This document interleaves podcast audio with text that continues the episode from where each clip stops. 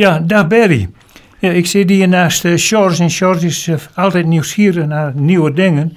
En nou confronteert hij mij weer met shared space. Zit ik me te bedenken, wat is dat nou weer? En ik denk, nou, we hebben nou Berry eventjes hier aan de telefoon. Die kan keurig netjes even ons vertellen wat shared space is. Ik kan het zo'n klein beetje ontleden, maar vertel. Oh, shared space is een begrip dat uh, al een tijd geleden is geïntroduceerd door een, ik denk, Groningse landschaparchitect, Monderman. Die uh, constateerde dat in de stad en op de, op de openbare weg je vergeven bent van borden die aangeven hoe je moet rijden. En hij zei eigenlijk, het moet allemaal intuïtiever zijn. Je moet uh, ook zonder al die borden en aanwijzingen kunnen, kunnen deelnemen aan het verkeer. En uh, als je met elkaar oogcontact hebt, dan kan je ook wel uh, besluiten als je elkaar tegenkomt wie voorrang heeft. En hij stelde dus voor om een, een verkeerssituatie heel erg simpel te houden en de ruimte met elkaar te delen. Maar goed, dat woord oogcontact, dat was natuurlijk een trigger voor mensen die blind zijn en slechtziend die maken niet zo makkelijk oogcontact. Dus die zijn uh, al vanaf het begin niet zo erg geporteerd van dit idee. En, en, zeker als je de hele verkeersruimte en verblijfsruimte één grote uh, ruimte maakt zonder uh, randen waaraan je kan voelen waar je bent, dan, dan vinden mensen, met name die helemaal blind zijn, het toch wel erg lastig om aan het verkeer deel te nemen. En ze zijn dan ook vooral bang aangereden te worden. Maar Berry, dit is dus niet voor de snelweg, maar het is voor uh, uh, stedelijk gebied? Ja, ja. Bijvoorbeeld op, op kruispunten. Dus als je een kruispunt hebt, dan, dan moet je, als je wil dat de voorrang wisselend aan de ene of aan de andere richting wordt toegestaan, moet je dus het verkeer aan, van de ene richting stopzetten of een bord neerzetten wie voorrang heeft. Nou, hij was er erg voor om, uh, om het allemaal weg te halen.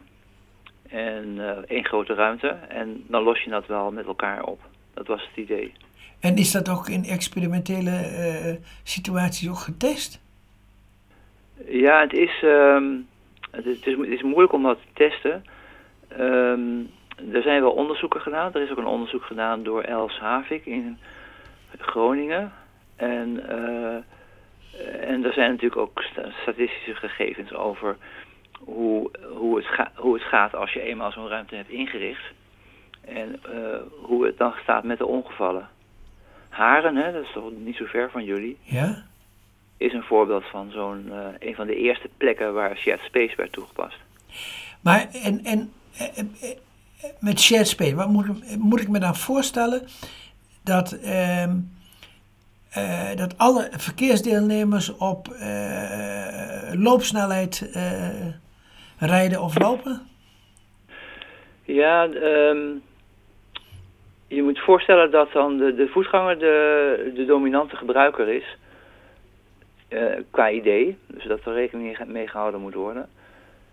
maar ja, als je, als je echt helemaal blind bent, dan is het moeilijk aan te geven in wat, wat de mainstream richting is waarin het verkeer zich begeeft. Mm -hmm. En uh, als je dan echt gaat lopen zonder uh, rekening te houden of zonder te weten hoe de stroom is, dan loop je soms tegen de richting in of uh, schuin daarop of noem maar op. Maar is het ook de bedoeling dan in shared space dat bepaalde gebieden voor de auto's zijn en bepaalde ge gebieden voor de voetgangers? Nee hoor, nee. All allemaal, allemaal delen dus. Hè?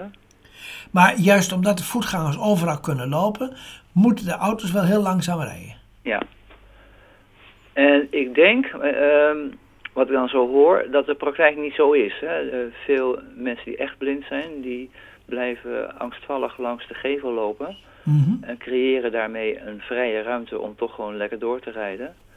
Dus als er... Uh, door te lopen? De, nou ja, en... en um, ik, het hangt ook een beetje dus af van hoe je, wat je durft of je van zo'n ruimte gebruik wil maken. En dan is er ook nog een verschil. Hè? Dus uh, blinden en slechtzienden worden vaak als één groep gezien. en, maar er is natuurlijk wel een groot onderscheid tussen mensen die alleen maar een slechte gezichtsscherpte hebben, maar wel nog grove vormen kunnen zien die kunnen nog wel dus de, de inrichting van de ruimte beoordelen. Maar over het algemeen in blinden en slechtziende land is men tegen shared space. En hoe sta jij daar tegenover? Ja, ik, uh, ik, ik, heb een, ik heb een andere kijk daarop, denk ik. Want het voordeel van shared space is ook dat er geen obstakels zijn. Zoals je dus op een, rij, op, zoals je op een snelweg geen bloembakken tegenkomt. Zo zul je in een shared space gebied ook geen bloembakken tegenkomen. En uh, ik merk zelf, nu ik een tijdje bijna blind geworden ben, dat het grootste probleem wat ik eigenlijk heb, is niet zozeer die andere gebruikers, als wel al die obstakels die op de, op de, ja, precies, de, de, de, de, losliggende, staan. de losliggende tegels. Die merk je nou, niet op, maar die auto merk je wel. Ik ben zelf uh, vrij sportief, ik struikel niet zo gauw over een tegel. Nee, ik denk meer aan verkeersborden en aan lantaarnpalen en aan uh, terrasjes, geparkeerde fietsen. Uh, precies, precies. En ja, ik ben er nu sinds een tijdje toe overgegaan om maar een helm te dragen. Ja. Zeg, zeg Berry, we gaan, we gaan daar ongetwijfeld in de toekomst nog wel eens overheen, want er zal ongetwijfeld een discussie ontstaan. mag ik je hartelijk danken voor het interview. Dankjewel. Oké, okay, dank je.